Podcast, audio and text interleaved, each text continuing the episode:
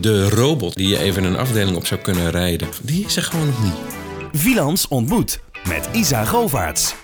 Johan Vesseur is sinds 2015 e-health expert bij Vilans. Hij helpt dagelijks zorgorganisaties met vraagstukken op het gebied van technologie. Bij het programma Waardigheid en Trots werkt hij specifiek aan de verbetering binnen verpleeghuizen. Vesseur heeft een opleiding verpleegkunde en een doctoraal gezondheidswetenschappen. Sinds 2018 is hij ook meditatiecoach. Welkom Johan.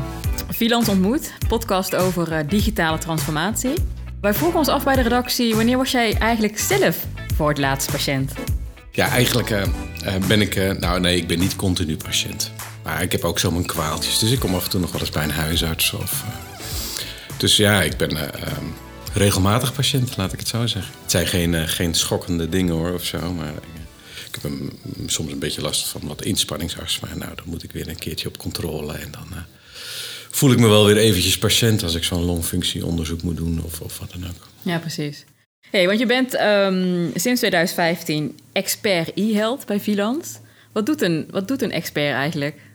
De, de functie van een expert. Expert is een, is, is een naam vanuit het, uh, de, de CO en het hele functieboek. Dus, dus, dus ja, uh, expert klinkt alsof je uh, al onwetend bent hè, van, van, van alles. En, en, en nogal, uh, uh, uiteraard uh, moet je dat meteen relativeren.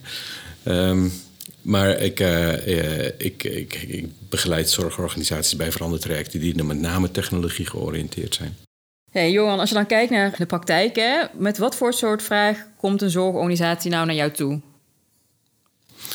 Um, eigenlijk heel gevarieerd. Maar als ik hem heel plat sla, zijn heel veel zorgorganisaties nu op het punt aangekomen. Um, dat ze daadwerkelijk echt met nieuwe technologie willen gaan beginnen. En um, enorm veel behoefte hebben aan een start in het denken over technologie, welke plek het heeft binnen de organisatie, uh, hoe ze het moeten doen. Dus um, met name de afgelopen, nou pak een beetje afgelopen jaar, krijg ik regelmatig de vraag van als zorgorganisatie willen wij iets met e-health. We hebben heel veel geïnvesteerd in kwaliteit en in vastgoed. En, en, en we, ja, we lopen wellicht wat achter op het gebied van technologie. Kom eens praten om te kijken hoe we een inhaalslag kunnen maken. Dat is een, dat is een concrete vraag. Kom eens ja. praten hoe je een inhaalslag kan maken. Exact, exact. Nou, en dan kom je daar binnen. En aan welke knoppen kun je dan eigenlijk draaien? Um, onze werkwijze vanuit Filans typeert zich eigenlijk door, door op twee niveaus in te steken. Um, wat we heel graag willen stimuleren is het bottom-up denken over technologie. Um, maar we weten ook dat dat alleen niet voldoende is. Ook moet uh, uh, de, de, de top in een organisatie, het bestuur, ook technologie-minded zijn. Dus we proberen in te steken op, op twee niveaus. Dus zowel op de werkvloer als op het bestuurlijke managementniveau. Op bestuurlijk managementniveau heb je het al heel snel over de visie op technologie in de zorg. Um, welke plek geef je technologie in je organisatie? Wat verwacht je van technologie? Welke ambities heb je? En hoe geef je dat heel concreet vorm in, in je bedrijfsprocessen? Nou, dat, dat doe je op managementniveau, op, op bestuurlijk niveau.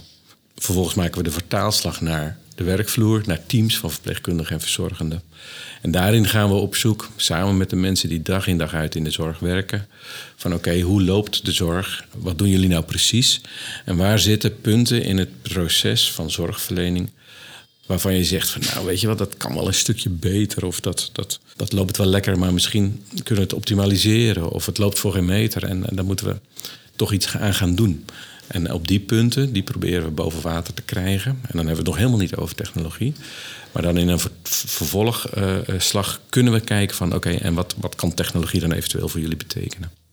Maar en als je dan iets concreets zou moeten noemen nu, hè? gewoon je laatste opdracht. Ja. Je komt daar binnen, zie je dan ook wel eens uh, verzonnen verpleegkundigen van... Uh, waar een bestuurder heel graag iets mee wil... maar waarvan je denkt, ja, die zijn er nog helemaal niet klaar voor... voor de volgende stap. Zijn misschien ook best wel beetje bang voor de computer of ze kennen het niet. Uiteraard is die dynamieker binnen, binnen, binnen de zorg. Uh, mensen die, die zich bedreigd voelen door, door technologie. Um, waar we dan ook expliciet op zoek gaan, is dat het niet een moetje wordt en dat het uh, opgelegd wordt. Maar als een bestuurder of een management, het management zegt van nou we willen aan de slag met nieuwe technologie, gaan we op die op zoek naar die plekken in de organisatie waarvan we weten dat, dat het wel ja, zal lukken, zeg maar. Waar, waar een enthousiaste club mensen zit die ook zegt van nou, wij willen ook graag aan de slag. Ja, en dat is dan je tactiek. Je gaat op zoek naar waar de energie Ja. zit. En dan hoop je dat de mensen die het nog steeds spannend vinden, toch langzaam een beetje opschuiven. Ja, het is wel heel mooi als je zeg maar een heel team vindt wat zegt, nou, wij willen graag aan de slag in plaats van een individu. Ehm, want dat hebben we ook wel inmiddels geleerd. Alleen werken met in- enthousiaste individuen, dat is, dat, is, dat is wel heel moeizaam. Dat, dat is geen garantie voor succes. Maar als een team zegt van nou, wij willen onze schouders eronder zetten en we gaan ervoor. Ehm, ja, dat, dat, is, dat is super. Dat, En dat zie je ook wel eens andersom, dat de praktijk veel verder denkt en groter dan het bestuur? Nou, het, het grappige is wel dat als ik ehm, ehm, eh, zo'n vraag krijg van... wij willen graag eens aan de slag met e-health... want we lopen achter en we willen een inhaalslag maken... dan beginnen we vaak met de inventarisatie van wat er al gebeurt in een organisatie. En daar verrast altijd het managementlaag en de bestuurder. Ze zijn, ja, vaak weet men niet wat er in huis allemaal al plaatsvindt. En hoe ver hun mensen eigenlijk al zijn. Ja. Ja. En zie je dan echt dat de zorg verbeterd wordt? Uiteraard zijn alle inspanningen om nieuwe technologie in te zetten in de zorg gericht op het verbeteren van de zorg, betere efficiëntie, ehm, zelfs goedkoper. Maar dat is, dat is op dit moment is dat wel heel lastig om dat heel hard te maken. Dus dat zijn eigenlijk nog best wel softe uitkomsten die je dan meeneemt en zegt: we hebben nu de zorg verbeterd. Het is wel een beetje afhankelijk van het traject. Want we, ja, we zitten ook bijvoorbeeld in een traject waarin we ook, ook behoorlijk hard gewoon een, een nieuwe technologie introduceren. waarvan gezegd wordt dat het de zorg efficiënter zou maken. Dus dat je minder tijd kwijt bent aan het verschonen van incontinentiemateriaal. En daar staan we dan ook gewoon keihard bij te klokken. Dus dat, dat meten we van Ja. voor en na. En En een zorghandeling is natuurlijk heel makkelijk te meten. Hè? Ja. En als je zegt minder zorghandeling, dan is het dus verbeterd. Precies. Want dan heb ik tijd o- vrijgespeeld voor andere dingen. exact, exact. Nu ben je ook specifiek werkzaam voor het eh, grote programma Waardigheid en Trots. Ja. Ook weer specifiek op dat eh, technologiestuk. Wat zie je vooral bij verpleeghuizen? Want er is nou best al wat jaren flink geïnvesteerd. Als je nu zegt e-health en verpleeghuiszorg, Mhm. waar staan we dan? Er, gebeuren al supermooie initiatieven. En er zijn, er zijn, nog, nog, nog- ja, er zijn al, al hele mooie voorbeelden van hoe technologie een bijdrage kan leveren.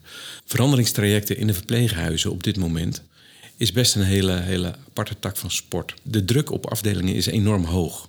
En om dan ook nog eens een keer te komen met een, met een verandertraject, omdat nieuwe technologie gebruikt gaat worden, hoe je het ook went of keert, dat vergt altijd een investering in tijd en middelen. En je vraagt altijd iets van mensen. En ik vind het echt super mooi om te zien en verbazend ook om te zien dat we op heel veel plekken toch hele mooie trajecten kunnen draaien. Maar ja, we vragen nogal wat van, van, van de individuele verpleegkundigen en de individuele verzorgenden. Om, om aldoende ook nog eens een keer zo'n traject eh, te doorlopen. Ehm, Maar het is wel nodig, toch? Als we e-health willen, goed willen implementeren, echt de volgende stap willen zetten. Ja, het is zeker nodig. Het is zeker nodig. Maar veranderstrategieën zijn wel van wezenlijk belang om daar goed over na te denken. En dat is iets wat we de afgelopen jaren gewoon gelukkig in toenemende mate zien gebeuren.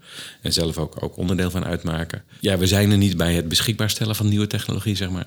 Je moet ook bewust aandacht besteden aan en hoe ga je dan gebruiken. En welke dingen ga je niet meer doen als je eh, een stukje technologie gaat gebruiken. En hoe zorg je ervoor dat het dus niet stapelt en er alleen maar bij komt. Maar hoe zorg je ervoor dat iedereen er echt inderdaad profijt Keuzes heeft. maken. Ja. Hey, welke technologieën zijn nu eigenlijk beschikbaar voor verpleeghuizen? Wat zijn echt mooie innovaties? Nou, je ziet, je ziet heel veel op het gebied van domotica. Ehm, en dan heb je het over, over de uitluisterapparatuur, de monitorapparatuur, sensorapparatuur. Ja, leg even uit voor mensen die het misschien niet weten. Het zijn kastjes bijvoorbeeld die meten van... eh, je hoort iedere dag eh, een boterhammetje te eten. En ik zie nu dat meneer Jansen niet eh, naar de keuken is gegaan. Dus misschien heeft hij de lunch vergeten. Ja, maar het begint al een stuk simpeler, hè, bijvoorbeeld met de nachtzorg. Ehm, voorheen, ehm, zonder technologie, deed de nachtzuster haar ronde. Om het maar eens even heel traditioneel te zeggen. En nu heb je allerlei sensortechnologie die in de gaten houdt wat er gebeurt op een kamer en op een afdeling. Eh, met alle respect voor de privacy en, eh, en alles wat daarbij komt kijken. Ja. Zijn er verpleeghuizen eigenlijk nog zonder zulke technologie? Ongetwijfeld. Want eigenlijk dat heeft echt zo enorm zijn nut al bewezen, toch? Ja. ja. Ja, ook die dingen die worden nu smart en slim. Zoals alles op dit moment slim wordt, worden ook, ook deze sensortechnologie steeds slimmer. Dus, dus ja, uh, vroeger had je heel veel foutmeldingen bijvoorbeeld over, over, over mensen die, waarvan dan verondersteld werd dat ze uit hun bed kwamen. Ja, ja. Maar dat zo'n sensor gewoon op een of andere manier op hol is vastgeslagen. Ja, maar dat is natuurlijk het experiment wat je eerst moet doormaken om het goed te kunnen testen, zodat zo'n technologie ook steeds beter wordt. Ja, nou ja, en, en, en daar zien we natuurlijk ook enorm ontwikkelingen in de, de laatste tijd. Het gaat zo razendsnel allemaal. Ja. Zijn er nou nog mensen die dat enge technologie vinden of zeggen: Oeh, heb ik liever niet uh, in huis? Ja. Ja? Ja, sensortechnologie is, is toch op een, op een of andere manier het afluisteren van. En nou ja, ik, ik benadruk niet voor niets meteen het privacy-aspect. Maar wat we vooral zien ook in de thuiszorg, um, dus, dus de leefstijlmonitoring in de thuiszorg, sensortechnologie bij iemand die, uh, die dementerend is, maar nog wel thuis woont. Ja, we zien daar wel hele mooie effecten. Ook vooral op het gebied van, van, van de mantelzorg. Dus de kinderen die een stuk meer gerustgesteld zijn, omdat ze een beetje in de gaten ja. kunnen houden. Nou, nou, weet je, die opschaling in verpleeghuiszorg of in de zorg algemeen, dat is echt wel een ding. Hè? Het lukt steeds maar niet om op te schalen. Mhm. Er zijn hele goede experimenten, zijn bewezen oplossingen. Uh, iedereen lijkt er klaar voor te zijn. E-health monitor is net uit. En toch zeggen we daar weer voor de zoveelste keer... Um, hè, we moeten nu echt die opschaling handen en voeten gaan geven. Wat houdt dat nou tegen? Als je nou gewoon tegen de buurman moet uitleggen... waar ligt dat nu aan? Ja, het is gewoon een heel groot, groot nou, geen probleem, maar een heel groot onderwerp. Want iedereen zegt dat die opschaling zo moeizaam gaat. Maar ondertussen gebeurt er wel heel veel.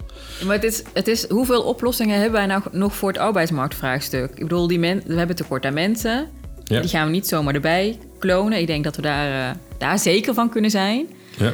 Arbeidsmarktcampagnes, ze zullen het best aardig doen. Maar dat enorm grote vraagstuk, daar is toch eigenlijk alleen maar technologie een antwoord op. Ja, nou ja, en, en op dat vlak zie je ook heel veel initiatieven uh, om de zorg een stukje efficiënter en doelgerichter te maken. Dus, dus dat gebeurt ook allemaal. De, de opkomst van een slimme luier, waardoor je minder verschoningsrondes hoeft te doen. Communicatie van op, op afstand, waardoor je niet overal langs hoeft te gaan. Dus, dus nou, je ziet wel heel veel initiatieven, waardoor het allemaal een stukje efficiënter en sneller gaat. Maar, maar jij zegt echt, de afgelopen drie kwart jaar zie ik echt een versnelling in dat soort dingen. Ja, ik zie een uh, toenemende mate aandacht voor, voor zorgtechnologie. Okay. Ja. En, en ook, ook vanuit de overheid en ook alle, allerlei stimuleringsregelingen die, die van de grond komen. Ik zie een groeiende aandacht voor, voor, voor technologie in de zorg.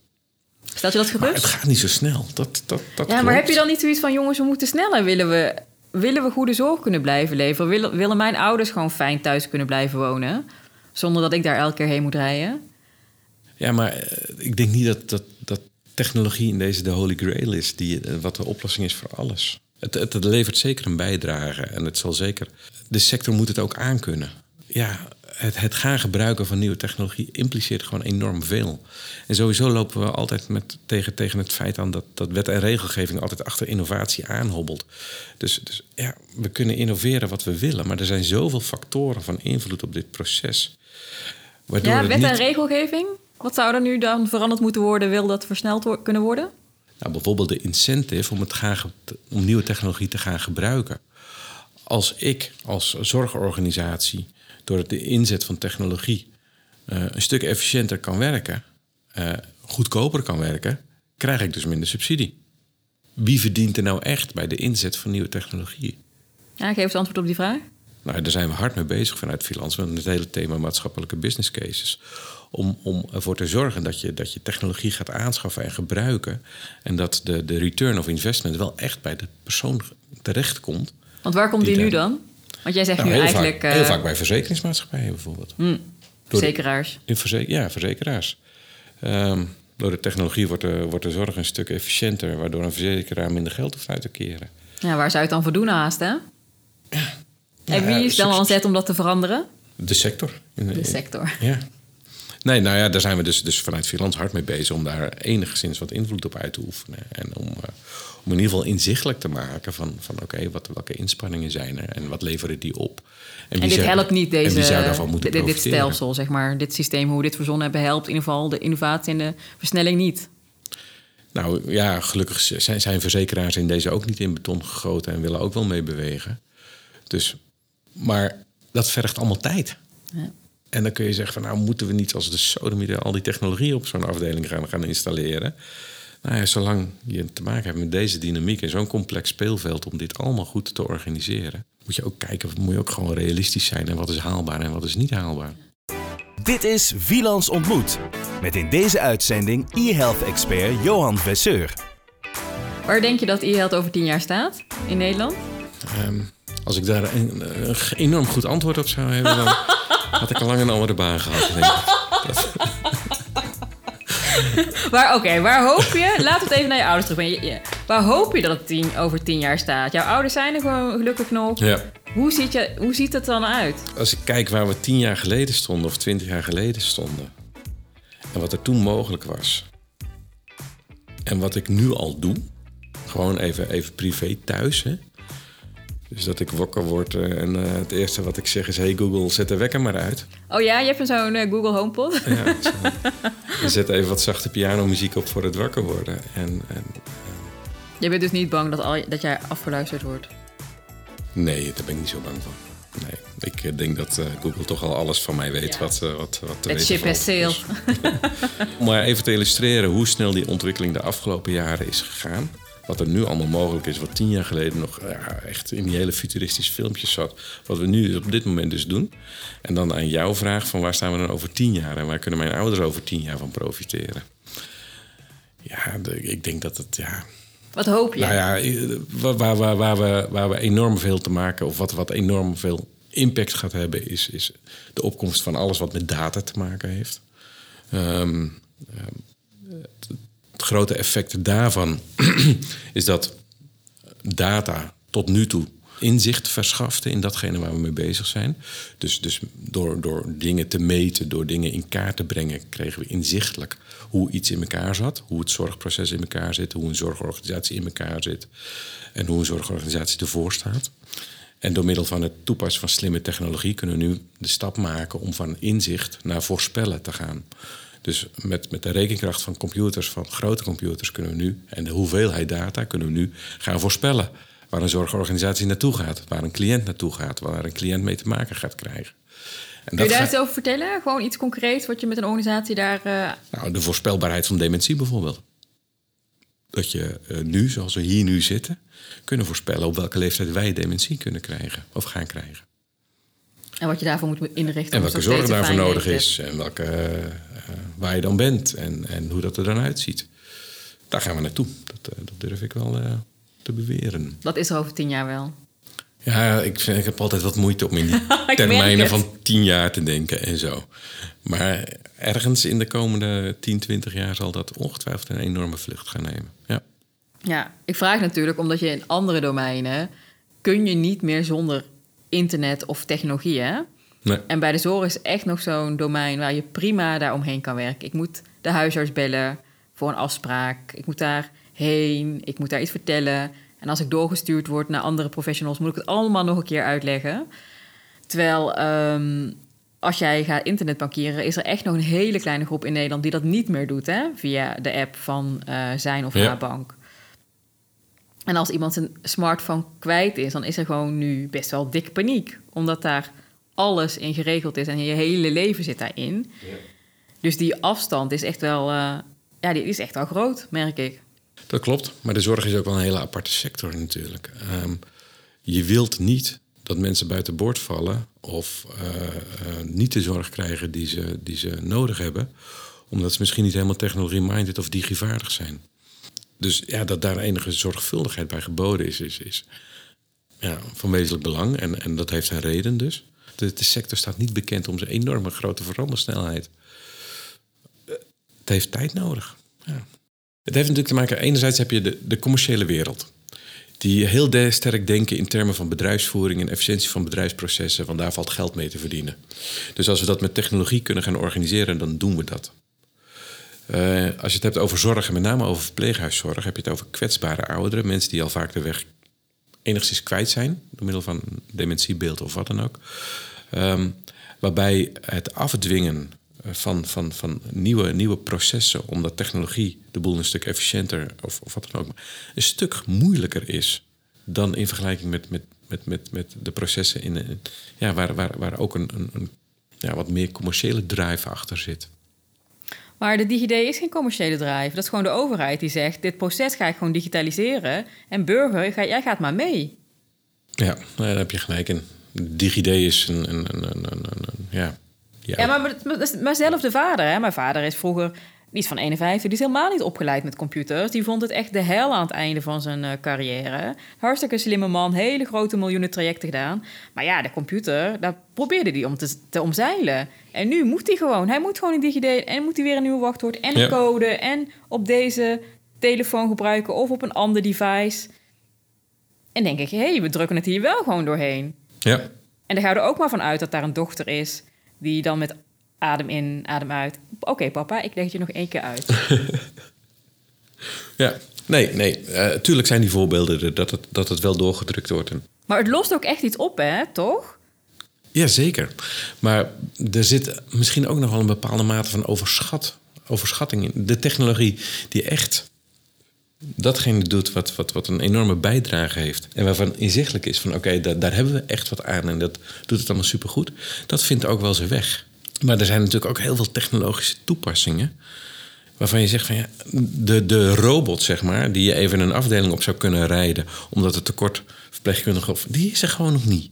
Eh, Er zit ook wel een bepaalde overspannen verwachting Ja, ja. in van technologie gaat alles oplossen. We moeten het gewoon gaan gebruiken. Ja, volgens mij zijn we ook nog niet zo heel ver om, om die move en die switch zo te maken. De iPhone. eh, Ik heb nog nooit een implementatiemodel of een implementatiestrategie voor de iPhone gezien. Is er niet. Want het apparaat dat voorziet in, op een of andere manier Ja, in een behoefte. in een gecreëerde behoefte en is dusdanig intuïtief dat je ook geen, niet de neiging hebt om, om een, een, een manual of een, een gebruikershandleiding of wat dan ook te raadplegen. Nou, dat is een heel mooi voorbeeld van een stukje technologie, wat daardoor op een volledig natuurlijke, organische wijze een positie heeft gekregen en, en, en, en, en ja, gedaald is in, in gewoon het dagelijks leven. Nou ja, dat vind ik best wel een sterk punt als je nu zegt. ehm, als je gewoon als gewone burger gewoon kijkt. Ja, die eh, smartphone en die digitale diensten. Die gebruik ik omdat mijn leven echt beter wordt. Ik, ik, ik zou niet willen. Ik zou niet mijn leven meer kunnen leiden zonder eh, mijn Google Maps of mijn internetbankieren. Dat ik in de supermarkt nog even geld kan overzetten. Zodat ik toch mijn boodschappen kan doen. Ja. Ehm, als jij nu zegt, ja, in de zorg heb je gewoon niet zulke goede toepassingen die echt iets opleveren, behalve domotica. Nou ja, dat, dat is wel zeker een, een, een punt van aandacht. Ik ontmoet heel weinig zorgprofessionals die zeggen van nou, dat ECD van ons, het digitale dossier wat wij gebruiken, dat is zo enorm intuïtief en gebruikersvriendelijk. Dat is zo geweldig, daar hoef je niet over na te denken om het te. Nou, iedereen worstelt het daar vaak mee. Van waar moet ik nou wat neerzetten? Ja. En het is een. eh, ik moet heel veel klikken of ik noem maar wat. En en ik weet dat ECD-leveranciers ook een uiterste best doen om wel hun product zo goed mogelijk af te stemmen op, op, op de behoeften van de gebruikers. Maar ja, dat is gewoon geen feestje, zeg maar. Ja, en hoe gaan we dat oplossen? Ja, nou, die oplossing die komt er wel. Wat je nu ziet is bijvoorbeeld eh, spraakgestuurd rapporteren. Dus dat je niet meer alles hoeft in te typen, maar dat je het gewoon kunt inspreken. Nou, dat is al een, als dat, die technologie is nu nog wat, wat ja, die heeft, nog- kent nog zijn beperkingen. Maar als dat, dat gaat zich ook, trouwens door big data en slimme machines, gaat die spraaktechnologie enorm snel. Dus, dus nou, over een paar jaar is dat wel dusdanig doorontwikkeld dat je daar echt wel op kunt vertrouwen en dat je dat goed kunt doen. Nou, zulke soort dingen hebben we, hebben we nodig. Nou ja, en ik denk dat de kosten om iets te ontwikkelen, die gaan ook steeds lager zijn. Hè?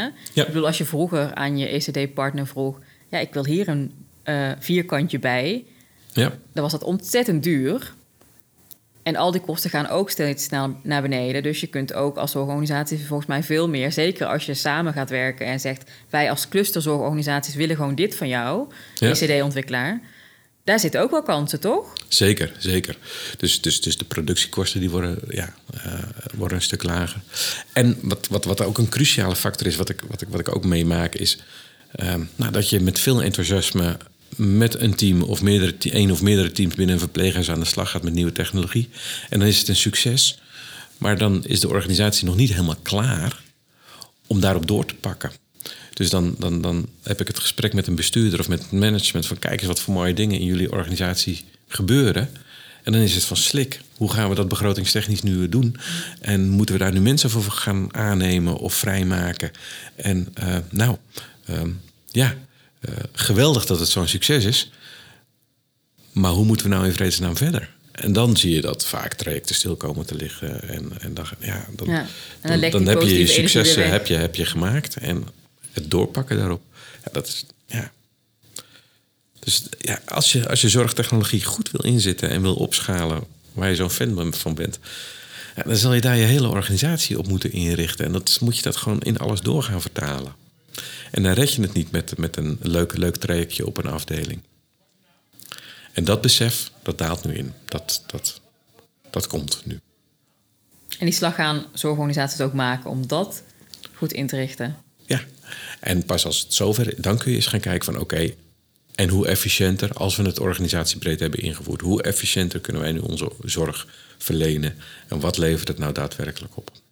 Zolang je blijft hangen op het niveau van experimenteren en een hoop enthousiasme, en ja, nou, dan, dan gaat het, dat gaat het hem niet worden, zeg maar. Dat is, dat is heel leuk, tijdelijk, maar daarmee eh, ga je niet redden. En wat is daar dan van nodig? Ja, ik, ik denk dat het, dat het heel erg noodzakelijk is om vooral in co-creatie met de doelgroep die nieuwe technologie te ontwikkelen. En om eh, eh, ja, gewoon heel veel stimulans aan, aan start-ups en, en nieuwe initiatieven om zinvolle technologie eh, eh, in, een, in een hoog tempo eh, markt klaar te krijgen, zeg maar. De meeste robotica voor de zorg zitten nog echt niet op het niveau dat ze, dat ze ergens op de plank liggen om te kunnen gebruiken. Het zit allemaal nog, nou, uiteraard een paar uitgezonderd, maar het zit allemaal nog in de experimentele fase. Maar straks krijg je natuurlijk een klant die dat wel verwacht. Hè? En dat is volgens mij ook digitale transformatie. Dat die klant verwacht in zijn klantreis dat daar dat digitale stuk helemaal in zit. En Ja. jij, als jij ouder bent, jij bent super digitaal savvy. Jij gaat echt wel andere dienstverlening verwachten dan jouw vader of mijn vader. Ik denk ook dat, en dat, dat zie je natuurlijk al in de, in de afgelopen eh, jaren, die, die verandersnelheid en die innovatiesnelheid die neemt enorm toe. Of die eh, dusdanig toeneemt zoals eh, sommige clubs voorspellen, dat is, dat, is, dat is de vraag. Want ja, nou, nogmaals, die verander, eh, eh, die verander, het verandervermogen is, is- speelt hier ook een rol in van de sector. Ehm, maar dat, dat het in een noodtempo gaat en dat het de zorg aan zich zwaar aan verandering onderhevig is, ja, dat, geloof ik wel. Maar we zijn er nog niet. De kunst is nu ook om een organisatie dusdanig in te, in te richten en te organiseren dat je kunt inspelen op die dynamiek en die verandering. En laten we wel wezen, de zorg en de zorgorganisatie, dat zijn nog. Het is nou niet de meest agile kant van onze samenleving, laat ik het zo zeggen. Dit is Wielands Ontmoet. Met in deze uitzending e-health-expert Johan Vesseur. Hey, in sommige organisaties, ik weet eigenlijk niet of allemaal hebben, maar je hoort steeds vaker de innovatiemanager. Ja. Is dat nou eh, zinnig om innovatie aan één persoon op te hangen? Zie, jij, zie je daar goede voorbeelden van dat je denkt, Ja. ja, ik denk dat het heel zinnig is. Ehm, ik denk dat het eh, eh, ja, innoveren, wat ik net, ik net ook al zei. ehm, we weten één ding zeker eigenlijk op dit moment. En dat is alles, dat alles op dit moment enorm aan verandering onderhevig is. En dat zal in de komende jaren alleen maar toenemen en sneller gaan. En, en door dedicated daar mensen op te zetten die die verandering in de gaten houden. En direct de vertaalslag maken naar de organisatie van. En wat betekent het voor ons? En daarnaar te handelen. Ja, dat, dat wordt. Een van de, ja, dat wordt gewoon een hele belangrijke factor in je bedrijfsvoering. Dus eigenlijk zou iedereen een innovatiemanager moeten hebben. het liefst op bestuurlijk niveau. Ja. Is dat ook een advies wat je aan raden van bestuur geeft? Nou ja, beleg het op zijn minst ergens in de organisatie. En eh, ja, bij voorkeur wel zo hoog mogelijk dat je ook, ja, als het aankomt op besluitvorming, wat, wat, wat sneller kunt schakelen. En budgetten en zulke dingen. Ja, want als je het over budge- budgetten hebt, hè, ehm, innovatie, of organisaties vragen vaak innovatiebudget aan bij een zorgverzekeraar. Ehm, is dat eigenlijk geen moeilijke discussie dat je als zorgverzekeraar dat moet voorfinancieren? Hoe bedoel je? Nou ja, is dat ook niet een soort ondernemerschap wat een zorgorganisatie zelf zou moeten kunnen? Want dan blijf je altijd van die zorgverzekeraar afhankelijk hierin? Ja, dat denk ik wel. En ik denk dat een, dat, dat een goede bestuurder en een goede, goede financiële, uh, een gezonde financiële situatie, dat daar altijd zeg maar, een reservering voor innovatie in zit. Dat ben ik helemaal met je eens. Hey, voor het uh, verpleeghuisprogramma Waardigheid en Trots is er ook um, natuurlijk extra aandacht voor technologie. Um, wat is eigenlijk jullie doelstelling met het programma voor dit stuk? Ja, nou, Waardigheid en Trots is nu. Uh, heet nu ook waardigheid en trots op locatie. Hè? Dus, dus, dus we, we, we ondersteunen individuele zorgaanbieders um, bij de implementatie van het nieuwe kwaliteitskader. En uh, dat doen we op basis van een scan. En eigenlijk een, maken we een foto van een organisatie. Die geven we terug aan een organisatie. En dan vragen we van, goh, zo doen jullie het op dit moment. Waar, waar zou je nog ondersteuning in, in willen hebben, zeg maar? Waar valt technologie onder? Onder welke taart? Hulpmiddelen hulpmiddelen. Ja, nou ja, en dat is nou precies de, de. Ja, het is een beetje weggestopt. Dus daarom is er ook een tijdje geleden. heeft men gezegd van. Nou, we moeten wat meer aandacht aan technologie gaan besteden. En daar ben ik op dit moment hard mee bezig om dat vorm te geven. En eigenlijk gaan we drie dingen doen. We gaan enerzijds een, kennisinstrument ontwikkelen waarmee zorgorganisaties en, en, en anderen. Uh, veel beter de link kunnen gaan leggen tussen de kwaliteit van zorg en de inzetten van nieuwe technologie eigenlijk um, is de inzet van technologie uh, tot op heden nog niet zo heel erg sterk gelieerd aan het verbeteren van je kwaliteit van zorg. Dat is wel apart, toch? Ja, dat is een. Vaak uh, is de keuze voor met welke technologie gaan we aan de slag gebaseerd op heel veel enthousiasme en op heel veel motivatie, interne motivatie vanuit een organisatie.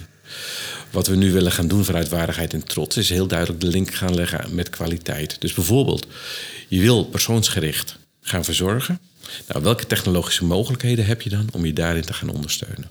Of je wilt werken aan de veiligheid in je organisatie. Welke technologische mogelijkheden zijn er dan die jou daarin ondersteunen? En maak dat eens concreet. Wat is een uh, innovatie voor? Uh... Nou, als je zegt van we willen op een veilige manier toch zoveel mogelijk ruimte geven aan een uh, dementerende of aan een bewoner met dementie, dan kun je denken aan GPS-technologie die in de gaten houdt waar iemand is en hoe ver iemand van een, de zorgorganisatie vandaan is.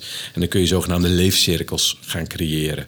Dus welke, ja, wat, wat, wat is nog verantwoord, zeg maar, hoeveel ruimte geven we iemand um, in het zelfstandig bewegen. Ja, voordat we ons zorgen gaan maken. Ja, voordat iemand echt gaat dwalen bijvoorbeeld. Of, of wat dan ook. Nou, en dat kun je met GPS-technologie heel mooi monitoren. En dan kun je heel, er zit een heel systeem omheen van leefcirkels is daar omheen gebouwd. En dan kun je heel mooi mensen toch de vrijheid geven die ze, die ze aankunnen. Ja. Um, maar wel op afstand monitoren. Ja, precies. Nou, voor die zorgprofessional is het fijn, want die kan zien... Uh, nou, hij zit nog fijn in de groene zone. Ja. Maar um, jullie hebben dus nu een scan gedaan bij alle verpleeghuizen om te kijken. Nee, verpleeghuizen kunnen. We, dwingen niks, niks, we dringen niks op. Dus, dus verpleeghuizen kunnen zichzelf aanmelden voor zo'n scan. Nou, dan krijgen ze een foto, krijgen ze ondersteuningsaanbod. En daarin gaan we steeds nu meer uh, structureler de hele factor technologie introduceren. Dus zowel in het ondersteuningsaanbod, wat we organisaties bieden, maar ook in een, in een tool waarmee je heel mooi kan zien als je aan kwaliteit wil werken, welke technologie dan beschikbaar is. En we willen daar zo breed mogelijk over gaan communiceren en, en goed veel uh, bekendheid aangeven. Want er moet ja, een stuk awareness op dit vlak moet ook nog gekweekt worden. Ja? Dus dat zijn, ja, zeker. zeker. De relatie tussen. Weet je, de relatie tussen technologie en kwaliteit ja, van zorg. Als, als, als blijkt, als de inspectie of wie dan ook zegt dat je moet werken aan je kwaliteit van zorg, is het nog geen logische reflex om dan naar technologie te denken. Oh. We gaan pas technologie implementeren als onze kwaliteit op orde is. Als we daar de ruimte en de rust voor hebben. Dat is dus toch vaak niet de integraal uh, bekeken. En uh, kwaliteit of, of uh, technologie als kwaliteitsbevorderde interventie um, ja, zit nog niet in de mindset. Nou, ik kan me voorstellen dat iedere verpleeghuis uh, hierop zit te wachten om zo'n uh, scan te krijgen en te zien, nou, waar sta ik en hoe kan ik makkelijk begeleid verbeteren. Um, hoe, kun je, hoe kun je meedoen? Ja, nou ja, het, is dus de standaard waardigheid en trotsprocedure. Dus, dus op onze, op onze website uh, waardigheid-en-trots.nl uh, vind je alle informatie over het scanproces en, en de aanmeldingsprocedure om, uh, om mee te doen. En ja, um, laat ook even weten als zorgorganisatie dat je, dat je vooral geïnteresseerd bent in technologietrajecten. Dan, ja, dan komt dat wel in orde. Ja. Heel goed. Het is wel een flinke brok werk hè, die op organisaties afkomt. Het is enorm. Het is huge. Ja. Ja, nee, en daarom, daarom snap ik ook wel dat, dat, dat het best zoeken is van hoe vind je hier je weg in en hoe doe je dit nou goed. En eh, misschien moeten we wel veel meer zorgorganisaties de gelegenheid geven om, om, om ook, zolang het niet ten koste gaat van, van, van de cliëntenzorg, et cetera. Maar ja, ga, doe ook eens dingen die, die mogen mislukken en die misschien niet helemaal de juiste keuze zijn geweest. En ga dan weer de ander doen. Maar de, de zoektocht, de geforceerde zoektocht naar de ideale oplossing van hoe moet ik dit nou allemaal doen. Ja, daarin moet je gewoon gaan calculeren dat er ook dingen niet goed gaan. Ja, dingen moeten mo- mogen mislukken. Ja. Hey, en als je nou de baas zou zijn van Nederland en die dingen echt voor het zeggen had, ja. wat zou je dan ehm, morgen anders doen om hierbij te helpen? Nou, dat is een goeie. De baas van Nederland zelfs. Oké.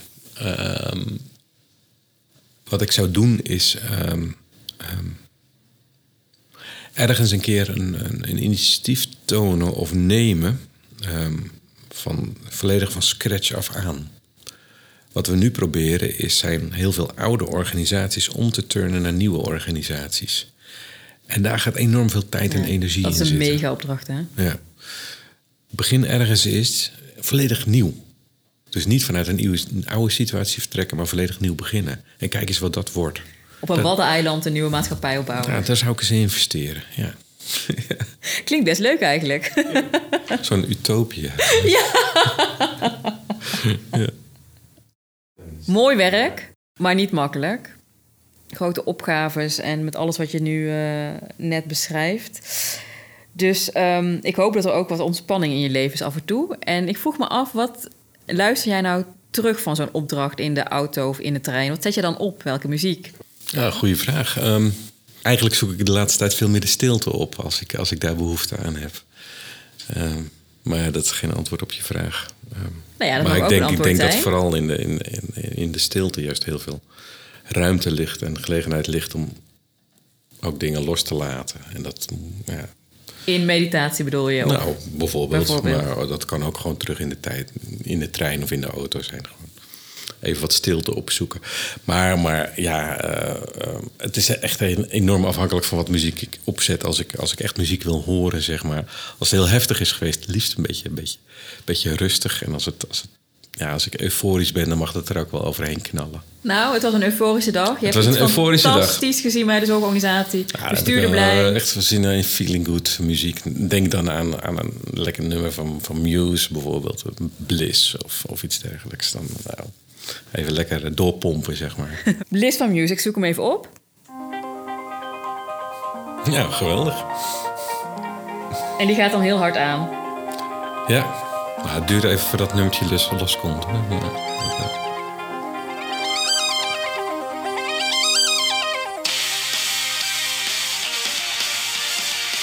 Hey Jo, we zijn aan het einde gekomen van deze uitzending. Eh, hartelijk dank daarvoor. Eh, ja, ik zou zeggen, als jij nog laatste dingen hebt die je echt heel graag kwijt wilt, aan wie dan ook, Ja, het was een leuk gesprek, dankjewel. Ja, ik voer nog regelmatig het gesprek over ehm, de afstandelijkheid van technologie. En ehm, ik kwam van de week het begrip warme technologie tegen. Ja, ik vond hem op zich wel heel mooi. Dus ja. misschien dat we, als we nadenken over technologie in de zorg, dat we ook eens gaan nadenken over warme technologie. ja, laten we dat doen. Dankjewel. Graag gedaan. Dit was Vilans ontmoet met Isa Govaerts.